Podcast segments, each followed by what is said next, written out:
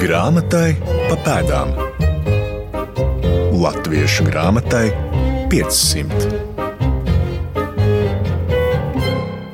Jans Amos Komēnskis. Šis vārds labāk zināms pedagoģa aprindās, jo ir pedagoģijas zinātnes aizsācējs Eiropā, bet mazāk iepazīts citu humanitāro jomu speciālistiem.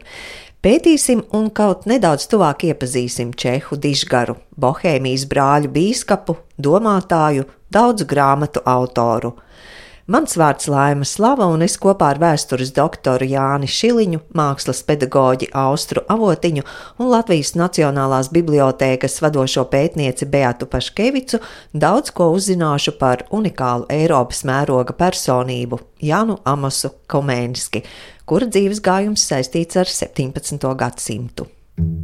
Vēsturniekam Jānim Šiliņam, kura interešu lokā ir 19. gadsimta beigu un 20. gadsimta vēsture, Saskara ar Komenski radusies pirms aptuveni pieciem gadiem, ko sekmējis čehu pedagogs un tulkotājs Pāvils Štols un viņa darbs par Latvijas un Čehijas kultūru. Tā Jānis Šiliņš priekš sevis Komēnski atklājas kā lielu dārgakmeni. Man tas arī bija neliels atklājums, ka Janam Amosam Komēnskim bija veltīta arī latviešu tātad tulkota biogrāfija 1892. gadā, kuras ar lielu interesi izlasīju.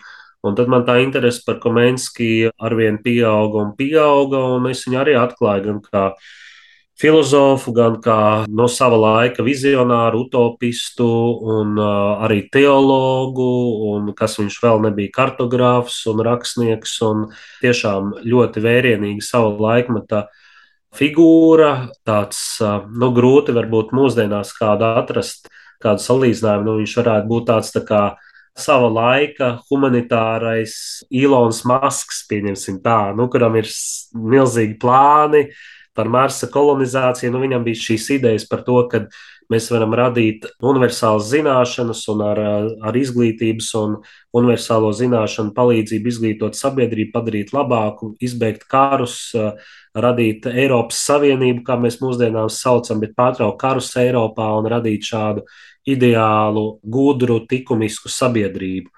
Liek teikt, ka tas viņam neizdevās, bet tas nemazina viņa šo milzīgo devumu un lomu un uh, to prieku viņu pēc uh, četriem gadsimtiem atklājot, gandrīz četriem gadsimtiem. Jo ne tikai man viņš ir kā pārsteigums, bet patiesībā viņš vairākus gadsimtus arī visai Eiropai, nu, lielā mērā lielākai daļai Eiropas uh, tādu intelektuāļu bija nu, visai apslēpts un maz zināms. Nevelti Latvijā arī vienīgais viņa darbs lielā didaktika ir pārtulkot latviešu valodā, un mēs viņu ļoti maz zinām. Diemžēl nav pārtulkots varbūt viņa vispopulārākais, pasaulē zināmākais darbs pasaules, jeb gaismas labirints un tātad sirds paradīze, kas ir viņa tāds, tā kā varētu teikt, viņa filozofijas, teoloģijas un, principā, arī lielā mērā biogrāfijas kvintesence. Diemžēl šis darbs nav izdots latviešu valodā. Cerams, kādreiz varbūt arī viņu izdos. Šis būs Rīgas laikam, šis būs Rīga. Lai uzskatāmi un ar taustekļiem šo vārdu lietoju apzināti, sastaptos ar Komenska izdevumiem, dodos uz Latvijas Nacionālo bibliotēku, kur vadošā pētniece Beata Paškevica uz galda nolikusi trīs dažādus Komenska leksikona Jāno Linguvārum izdevumus. Tie visi ir 17. gadsimta. Turklāt viens iznācis Komēnska dzīves laikā. Tā ir valodu mācību grāmata. Latviski valodu vārti, jeb durvis uz valodām, un bijis ļoti populārs izdevums visā Eiropā. Šis ir Komenska dzīves laikā izdots. Un šis izdevums arī ir ļoti interesants, ļoti vērtīgs, jo būtībā par izdevumu ir, nu, to izdevumu ir sarūpējis Johannes Gecēlijus, eh, vecākais, un viņš um, ir saticies personiski ar Komenski. Toruņā viņi ir piedalījušies abi sarunās. Nu, tas ir zemnieku kārā atrisinājuma meklējumos, kā um, savā starpā sanaidotās konfesijas uh, samierināt. Un tur Komenijusam bija liela loma, un arī Gecēlijus tur piedalījās. Un Komenskis tāpat arī bija Zviedrijā pēc Aksela Oksenšērna aicinājuma, kas bija šīs zemes pārvaldnieks. Tātad mēs bijām vienā telpā, protams, mēs bijām toreiz mm, Zviedrijas pakļautībā. Jā, līdz ar to tās kopējās saiknes šajā grāmatiņā mums ļoti spilgti atspoguļojās. Tas ir, protams, ļoti interesanti, jo arī tas Johans Gecēlijus, tāpat kā Georgs Mancēlis, viņš bija Tartu universitātē profesors, un viņš bija arī grieķu valodas profesors. Loģiski, ja Komenskim ir tāds dišpārdoklis iznācis, tad arī Gecēlijus to izdod pie sevis, tērbatā, un droši vien lieto, nu, pilnīgi noteikti lieto tērbats universitātes vajadzībām studentiem mācību grāmatu. Un tas izdošanas gads ir šis? Jā, tas ir 1648. gads. Tātad 1632. gadā ir dibināta Tērbats universitāte, un jau Komenijus eh, ietekmē mūs, mūsu telpu. Tā kā, jā, tas ir eh, arī jauki un svarīgi. Jā, ja mēs runājam par otro izdevumu, um, tas ir Rīgā tapis izdevums Georga Matijas Nellera spiestuvē.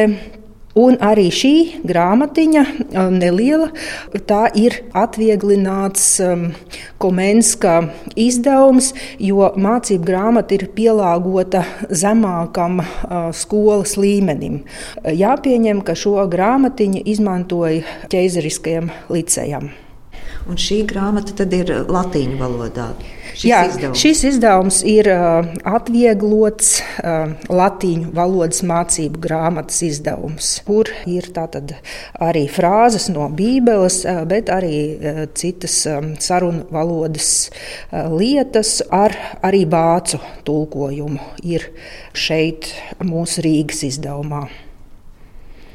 Šis trešais ir 1659. gadā Johana Kaspara Zutera Šafhausenē, Šveicē izdots Komenijus valodu vārtu izdevums. Un kā viņš ir nonācis pie mums, to mēs īsti nevarēsim pateikt bet tāpat arī ļoti būtisks mācību līdzeklis un izdevums, un droši vien arī kaut kādā brāļu draudzes kontekstā mēs varam skatīties uz šo izdevumu, jo Johans Kaspars Zuters ir arī pirmais, kas izdeva savā nelielajā apgādā valdensiešu kroniku. Un valdensieši ir vieni no ideiskajiem priekštečiem brāļu draugai, tātad Čehu brāļu draugai. Un tā kā mēs zinām, ka Komenskis bija arī brāļa draugs biskups, tad, protams, šī pēctecība ir svarīga. Un, jā, iespējams, ka mums ir vistiešākais sakars arī šeit ar šo Šveices nelielo izdevēju un šo Šveices kungu.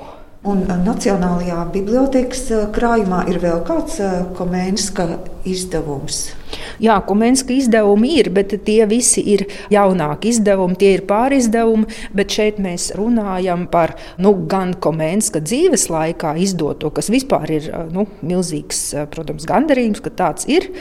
Tieši par 17. gadsimta šiem agrīnajiem izdevumiem. Protams, Kumenskis eh, tiek pārizdots, viņš eh, ir zaudējis, protams, savu šo te, nu, zinātnisko aktualitāti, piemēram, tāda mācību grāmata. Tas ir skaidrs. Jā, bet nu, vēsturiskā nozīme tam ir liela, un viņš jau ir arī droši vien ietekmējis nevienu arī mūsu pedagogu, un droši vien pat varētu pieņemt, ka mūsdienu, tās mūsu pirmās ābeces arī zināmā mērā ir skatījušās Komenska virzienā.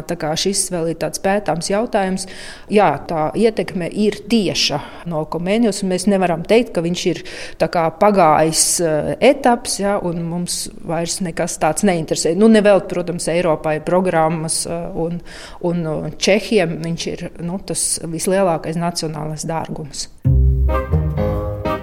Izpētes augsta. Komēnskis ir nozīmīgs arī Latvijai, jo viņš bija Čehu brāļu draugs bīskaps, no kuras vēlāk izauga Hernhūtiešu kustība. Komēnskis iedvesmojas daudzus. Iedvesmojās Gliks, kurš dibina skolas latviešu bērniem, un iedvesmojās Stenders, radot bilžu grāmatas. Jāni Šiliņu lūdzu minēt interesantākos faktus no Jāna Amosa Komēnska biogrāfijas. Viņš dzīvo ļoti Eiropā, ļoti sarežģītā laikmetā. Tieši viņa tas radošais pilnbriedu mūžs sakrita ar vispostošāko karu Eiropas vēsturē, kas bija 30 gadu karš no 1618. līdz 1648. gadam.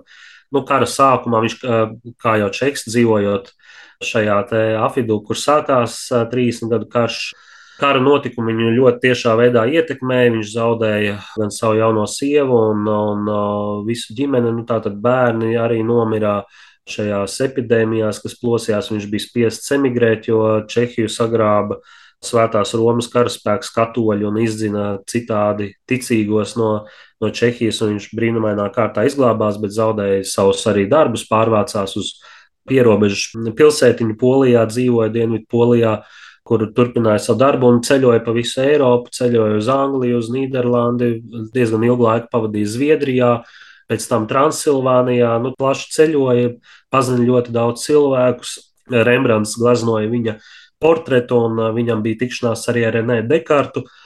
Man liekas, tas bija 1642. gads, kad viņi tikās. Tāds interesants brīdis, kad divas šīs lielās iespējamās Eiropas attīstības filozofiskās domas saskārās un Lai gan Komenskis tolaik bija daudz populārāks un zināmāks no lielākiem sakariem un lielākiem resursiem, tad viņa šī intelektuālā revolūcija tomēr neuzvarēja, bet Dekarts gal galā iznāca kā uzvarētājs un lielā mērā tas noteica arī tālāko Eiropas visu apgaismības un tā tālāk, visu šo racionālās domas attīstību. Bet, uh, viņš vēlreiz dzīvojot šajā polijas lešno pilsētiņā, viņš vēlreiz zaudēja visu. Polijas-Zviedrijas kara laikā, kad um, atkal šo uh, nelielo pilsētiņu ienaidnieku karaspēks nodedzināja. Viņš zaudēja visus uh, savus šos manuskriptus, darbus, un lielā mērā to arī izskaidro, kāpēc viņam neizdevās pabeigt savu šo mūža lielāko darbu, Pansofiju, kas ir zināšana par visu, visa zināšana, visaptvarošās zināšanas, kas bija viņa tas lielākais mūža mērķis. Un, uh, Vēlāk, arī atgriežoties no Zviedrijas, viņš Zviedrijā arī mēģināja tātad īstenot skolu reformu, un atgriežoties no Zviedrijas, arī mira viņas otrā sieva, un to viņš arī ļoti pārdzīvoja. Tā kā nu, tas mūžs viņam ir bijis ļoti dramatisks, dramatismu pilns, tos, starp citu, mēs redzam arī viņa jau manas pieminētajā labirintā, šajā darbā, kas ir lielā mērā autobiogrāfisks, kur viņš arī ar tādu dziļi izjustu uh, traģismu, bet vienlaikus mīlestību, stāstot par šo dievu doto pasauli, kurā mums jādzīvo un kā pareizi tajā dzīvot. Komenskis studējis teoloģiju Herbornas akadēmijā un Heidelbergas universitātē. Bijis viens no izglītotākajiem sava laika cilvēkiem Eiropā, to minējuši daudzi viņa laika biedri. Tāda unikāla, universāla Eiropas mēroga personība. Dzīves laikā Jans Amos Komenskis sarakstījis ap 280 darbus, Tie ir dažāda formāta un par dažādām tēmām. Bet, protams, ka viņi ir ļoti dažāda formāta un, un arī par ļoti dažādām tēmām. Sākot ar šo slaveno labirintu un turpinot ar bilžu grāmatām, un, un pat viņš arī viņš uzskatīja, ka pedagoģijā ir plaši jāizmanto teātrālisms vai uzveduma elements. Viņš rakstīja lūgas bērniem, kurus viņi spēlējot, mācītos un arī stāstītu par sabiedrības uzbūvi, par dabas funkcionēšanu un tā tālāk par dažādām tēmām. Tā ka viņam tie darbi ir bijuši nu, ļoti daudzveidīgi. Turpinājumā par komēnski un pedagoģiju. Artefakta gaismā.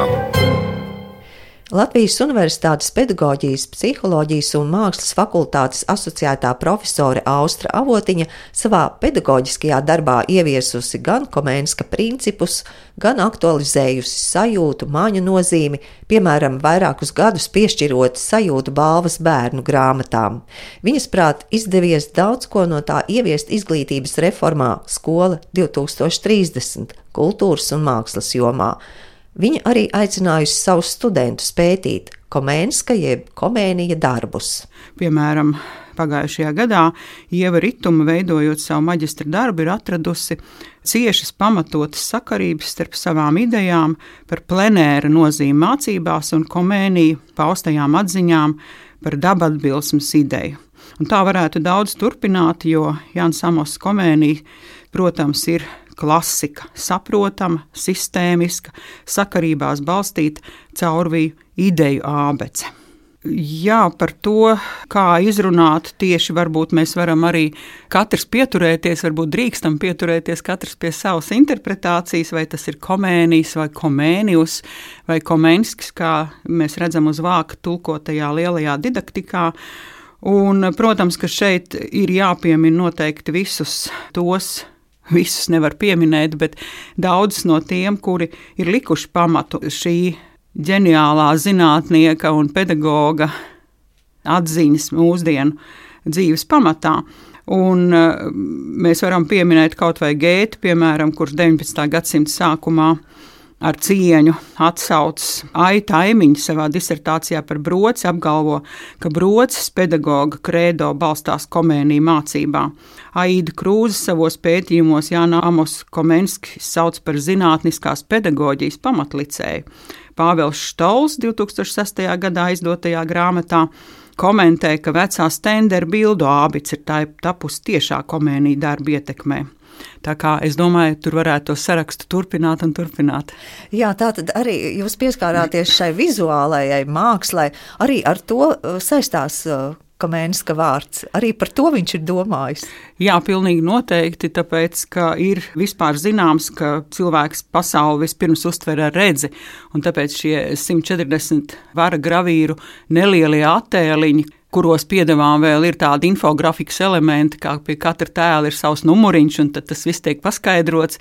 Vizuāli, viegli uztverama, ļoti, ļoti spēcīga informācija. Paralēli piedevām vēl ne tikai vizuāli, tad valodā, tad tautas valodā, tad vēl tulkojumos, tad var mācīties arī valodu no tā visa. Daudz ir šo ieguvumu no tāda vienkārša darba, piemēram, mākslā runājot mēs aicinām studentus lasīt Gombriha mākslas vēsturi. Gombrihs ir sarakstījis tādu pasaules vēsturi, kur viņš arī, man liekas, ir no Komenska ņēmis tos pamatatziņas, izveidojot tādus nelielus 40 sižetus, sākot no pasaules sākuma līdz atombumbai, ar nelieliem attēliem papildinot, nu vienkārši fenomenāls materiāls. gan no struktūras viedokļa, gan no ideju viedokļa, gan no mūsu sajūtu un uztveres un māņu orgānu darbības viedokļa. Tā viņa koncepcija ir ideāla, man liekas. Atklājam tekstus! Cik pamatoti varam uzskatīt, ka mūsdienu pedagoģijas idejas tiek balstītas 17. gadsimta domātāju komēniska principos? Jo, protams, daudz kas pasaulē mainījies, un viņš arī bija sava laika cilvēks. Viņš, piemēram, raksta savā grāmatā, viņš raksta tā, es gribu nolasīt tādu nelielu citātu. Cilvēki ir radīti viens otram par labu, tāpēc ļaujiet viņiem būt laipniem. Esiet jauki un piemīlīgi savā izteiksmē, lēnprātīgi un laipni savā uzvedībā un izturēšanās veidā, pieklājīgi un patiesi runājot, sirsnīgi un atklāti savā sirdī. Tāpēc mīliet, un jūs mīlēs, un būs savstarpēja draudzība, kā diviem balodīšiem - draudzīga, lēnprātīga un viens otram labu vēloša. Nu, vai var skaistāk pateikt, bet tas nav moderni. Neviens tā nerunā vairāk, un mēs arī nemaz tā tiešā veidā nevaram. To realizēt dzīvē, ja, ja mēs iesim pie skolēniem ar šādiem vārdiem, diez vai mūs uzklausīs. No Komenskas sarakstītajām grāmatām Austra avotiņa izceļ pedagoģiskajā literatūrā būtiskākās - lielā didaktika un jutekļiem uztveramo lietu pasaule attēlos. Viņa lielā didaktika, ja didaktika magna, kurā ir 33 nodaļas, un kas ir izdota 1638. gadā, ir tāds pamatu pamats. Tur ir nodaļa, piemēram, arī par mākslu. Es vakardien viņu pārlasīju un biju vienkārši satriekta, sajūsmināti satriekta par to, ka faktiski viņš uzraksta vienas normālas mākslas akadēmijas programmu. Tajā vienā nodaļā, kā tādu vajag dibināt, uz kādiem pamatiem vajag strādāt, mācīt, un tādas ir 33 nodaļas par visu, ko, par visu, ja? kā tas vispār ir iespējams. Un otrs, protams, ir šī skolas mācību problēma, kas man pēdējos piecus gadus ir nodarbinājusi caur skolu 2030 kā panākt skolēnu nepārtrauktu līdzdalību tajā procesā, kur viņš iet uz priekšu. Un tad šī jutekļiem uztveramo lietu pasaule attēlos. Ja? Tā ir tā kā tāda pamatu pamats. Ja? Un, ja kāds saka, ka tā ir pirmā bērnu bilžu grāmata pasaulē, tad es gribētu teikt, ka tā ir grāmata visos vecumos, visiem cilvēkiem. Nav tā, ka tikai māksliniekiem ir jāpēta apkārtējā pasaule. Mums jau visiem vajadzētu pētīt to apkārtējo pasauli ar taustekļiem, ar redzi, nu, ar taustekļiem, ar pirkstiem, protams, taustot, redzot, klausoties, smaržojot. Un, Mēs esam projektā daudz ko no tā arī jau ielikuši, bet mēs arī saprotam, ka tāda simtprocentīga realizācija notiks droši vien nākošās reformas laikā, ja, bet solis uz to jau ir. Tā Austra avotiņa met tiltu no 17. gadsimta uz mūsdienām. Turpinājumā par Jana Amosa Komenska darbību brāļu draudzē un viņa uzskatiem. To palīdzēs izzināt Jānis Šiliņš. Jā, viņš piedzima brāļu draugu ģimenē, un diezgan āgri izvēlējās šo profesiju, varētu teikt, jo nu, viņš kļuva par tādu brāļu draugu mācītāju. Viņa otrā sieva bija brāļu draugu biskupa meita, un pēc sievas tēva nāves viņš kļuva par vienu no vadošām arī personām brāļu draugu šajā hierarhijā. Un gal galā viņa arī mūžā nogalē ievēlēja par biskupu. Viņš bija pēdējais brāļu draugu biskups. Un Viņš šīs idejas, nu jā, vēlāk ļoti organiski arī pārgāja atjaunotajā brāļa draudzē, ko mēs daudz labāk zinām, kas ir Hērkūtiešu kustība, kurai arī bija ārkārtīgi liels uzsvers likts uz izglītību. Komēns, bija pirmais, kurš kā, runāja par to, ka nedrīkst būt nekāda segregācija, ka gan meitenes, gan, gan puikas ir jāizglīto. Nevar būt nekādu atšķirību, nu, tur, nezinu, mantiskā ziņā, ka tāpēc, piemēram, tur zemnieku bērni būtu sliktāk jāizglīto kā augstzimušo bērnu un tā tālāk. Un tas viss arī pārgāja arī brāļu draugu šajā herhūtiskajā kustībā. Komenski, nu jā, daudz arī sauc par apgaismotāju pirms apgaismotāju un arī par lielo sirds teologu, un arī hankūtiešiem šī sirds teoloģija bija ārkārtīgi svarīga. Un, un šī komenska doma par to, ka vissvarīgākais ir šī individuālā brīvība, brīvība cilvēkam attiecībās ar Dievu, tā arī bija ārkārtīgi svarīga hankūtiešu kustībā, un arī šis universālisms. Nu, 30 gadu karš bija pēdējais lielais reliģiskais karš Eiropā, un šīs kara šausmas parādīja, ka nedrīkst uz reliģiskā pamata notikt šķelšanās, ka visiem ir jāapvienojās. Un arī tā bija tāda viena no hankūtiešu um, idejām lielajām par uh, šo apvienošanos, dažādu konfesiju un uh, mierīgu kopā sadzīvošanu un kopīgu patiesības meklēšanu. Viņš šo um, garīgo universālo, vispārīgo atmodināšanu, cilvēku atmodināšanu uzskatīja par vienu no tās nākotnes uh, ideālās sabiedrības pamatiem, stūrakmeņiem. Atšķirībā no vēlāk uzvarējušās apgaismības, kas lika lielu uzsvaru tieši uz racionālo, uz uh, materiālistisko uh, pasaules skatījumu un labklājības vairošanu, ka pēc tam visas pārējās lietas, tā skaitā likumība, tam sekos. Uh, Viņš uzskatīja, ka ir nepieciešams meklēt harmoniju, harmonisku attīstību, ka tu nevari tikai attīstīt tikai miesu vai nu, kaut kādas zināšanas, bet ir arī jāattīstās garīgi cilvēkam, ka cilvēkam ir jāmeklē Dievs un jābūt attiecībās ar Dievu. Tāpēc arī ir šis šī darbā labirints arī pretnostatīts pasaules šis apmāns kur cilvēki cenšas izskaidrot un atmaskot ar, ar saprātu un ar racionāliem apsvērumiem un zinātni, bet tas galvenais mērķis tomēr ir šīs sirds paradīze, tā harmoniskā būšana šajā dzīvē, kas ietver arī harmoniskas attiecības ar Dievu. Un tad uh, ir jautājums, protams, kā tās harmoniski attīstīt. Un, uh, Protams, ka tam Kamēnskis, kā būdams arī ilg, ilgus gadus mācītājs un bīskaps, arī tam velta arī lielu uzmanību. Ko varam spriest par Komēnski kā cilvēku, kā personību, kāds bijis viņa raksturs, vai kaut ko varam izlobīt no dzīves gājuma un rakstiem? Un, protams, viņam piemīta ārkārtīgi liels darbspējas, ko mēs redzam. Un lielā mērā tas bija saistīts ar to, ka viņš savus lielos traģiskos mūža pārdzīvojumus mēģināja vienkārši izrakstīt vai pārstrādāt, aizmirstoties darbā. Viņa divu sievu traģiskā nāve un bērnu zaudēšana, protams, bija ārkārtīgi smagi triecieni. Viņš bija ļoti jūtīgs cilvēks, uztvērīgs. ko mēs arī varam nojaust kaut vai no tā, ka viņš tiešām ļoti ātri apguva valodas un visdažādākās disciplīnas zinību. Un, uh, viņš bija ļoti zinātnākārs un arī lielā mērā arī, nu, varētu teikt, drosmīgs, uzņēmīgs cilvēks ar lielu enerģiju apveltīts. Viņš atrada vieglu kontaktu ar visdažādākajiem cilvēkiem, jau man pieminēja to, pašu Dekārtu, kaut arī viņiem bija pilnīgi atšķirīgi filozofiskie uzskati. Viņi tomēr varēja draudzīgi arī komunicēt, saprasties un pārāk liels, liels skandālu nesarīkot, bet šķirties kā draugi. Nu jā, viņš bija vizionārs, viņam prātā bija šīs idejas par to, kādai vajadzētu būt šai ideālai pasaulē, pareizāk kā ātrāk nonākt pie atklāsmes grāmatā solītās tūkstošu gadu miera valstības.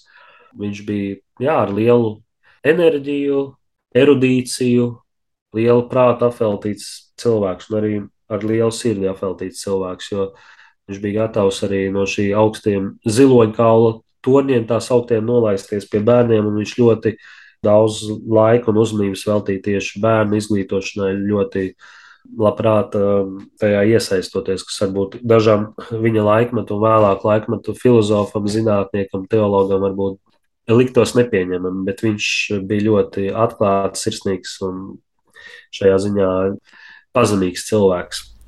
Austra avotiņa daudzus gadus strādājusi ar kultūras un mākslas pedagogiem Latvijas Universitātē, piedalījusies izglītības reformā un tic, ka pie komēnska idejām ir jāturas, un tad mēs uzcelsim skaistu un gaišu pasauli. Svarīgā grāmatzīme protams, tā humanisma ideja, tāds uh, dzīves prieka cildinājums. Mēs projektā arī, tad, kad sākām diskutēt, kas ir galvenais, kas mums jāpanāk skolā, mums ir jāpanāk, lai skolēns ir priecīgs. Ja? Vai kāds par to ir kādreiz runājis? Un mums gribētos, lai tā būtu. Ja? Nu, mēs varam ilgoties pēc tā vai ne. Un, ja es padomāju par savu dzīvi, īstenībā es domāju, nu kā, kā es tiku vadīta. Un es atceros, ka es mācījos sākumā 4. vidusskolā. Pirmkārt, mums bija savs dārziņš, katram bija sava dobe. Visi gaiteņi koridori bija pilni ar dažādiem dabas materiāliem. Tur bija akmeņi un korāļi un visādi dzīvnieki šķidrumos, viss kaut kas tur bija. Es dzīvoju tajā, tajā visā iekšā, man tā pasaule ārkārtīgi patika. Pēc tam es Rozentāla skolā visu laiku plenēros. Mēs gājām ārā, mūsu skolotājs tiešām veidājas rociņas, Jānis Zemīts, un teica, nu skatieties tagad, kādi tie bērni izskatās. Ja? Visa dzīve, kurā ir gan lauki, gan kā ikvienam latvietim lauki, daba, viss tas, tas, tas atbilst un tas dod to spēku. Skatīties un dot to redzēto arī tālāk, vai ne tiem nākošajiem. Tāpēc es domāju, ka varbūt tas, tās viņa idejas bija ieliktas arī Latvijas izglītības sistēmā vēl 30. gados, piemēram, kur arī bija šī dabas mīlestība un dabas pētniecība iekšā. Un es arī to kā bērns vēl izbaudīju, protams, ne 30. gados, bet tas jau bija saglabājies toreiz. Reāli objekti ar reālām darbībām, kas mums bija jāveic.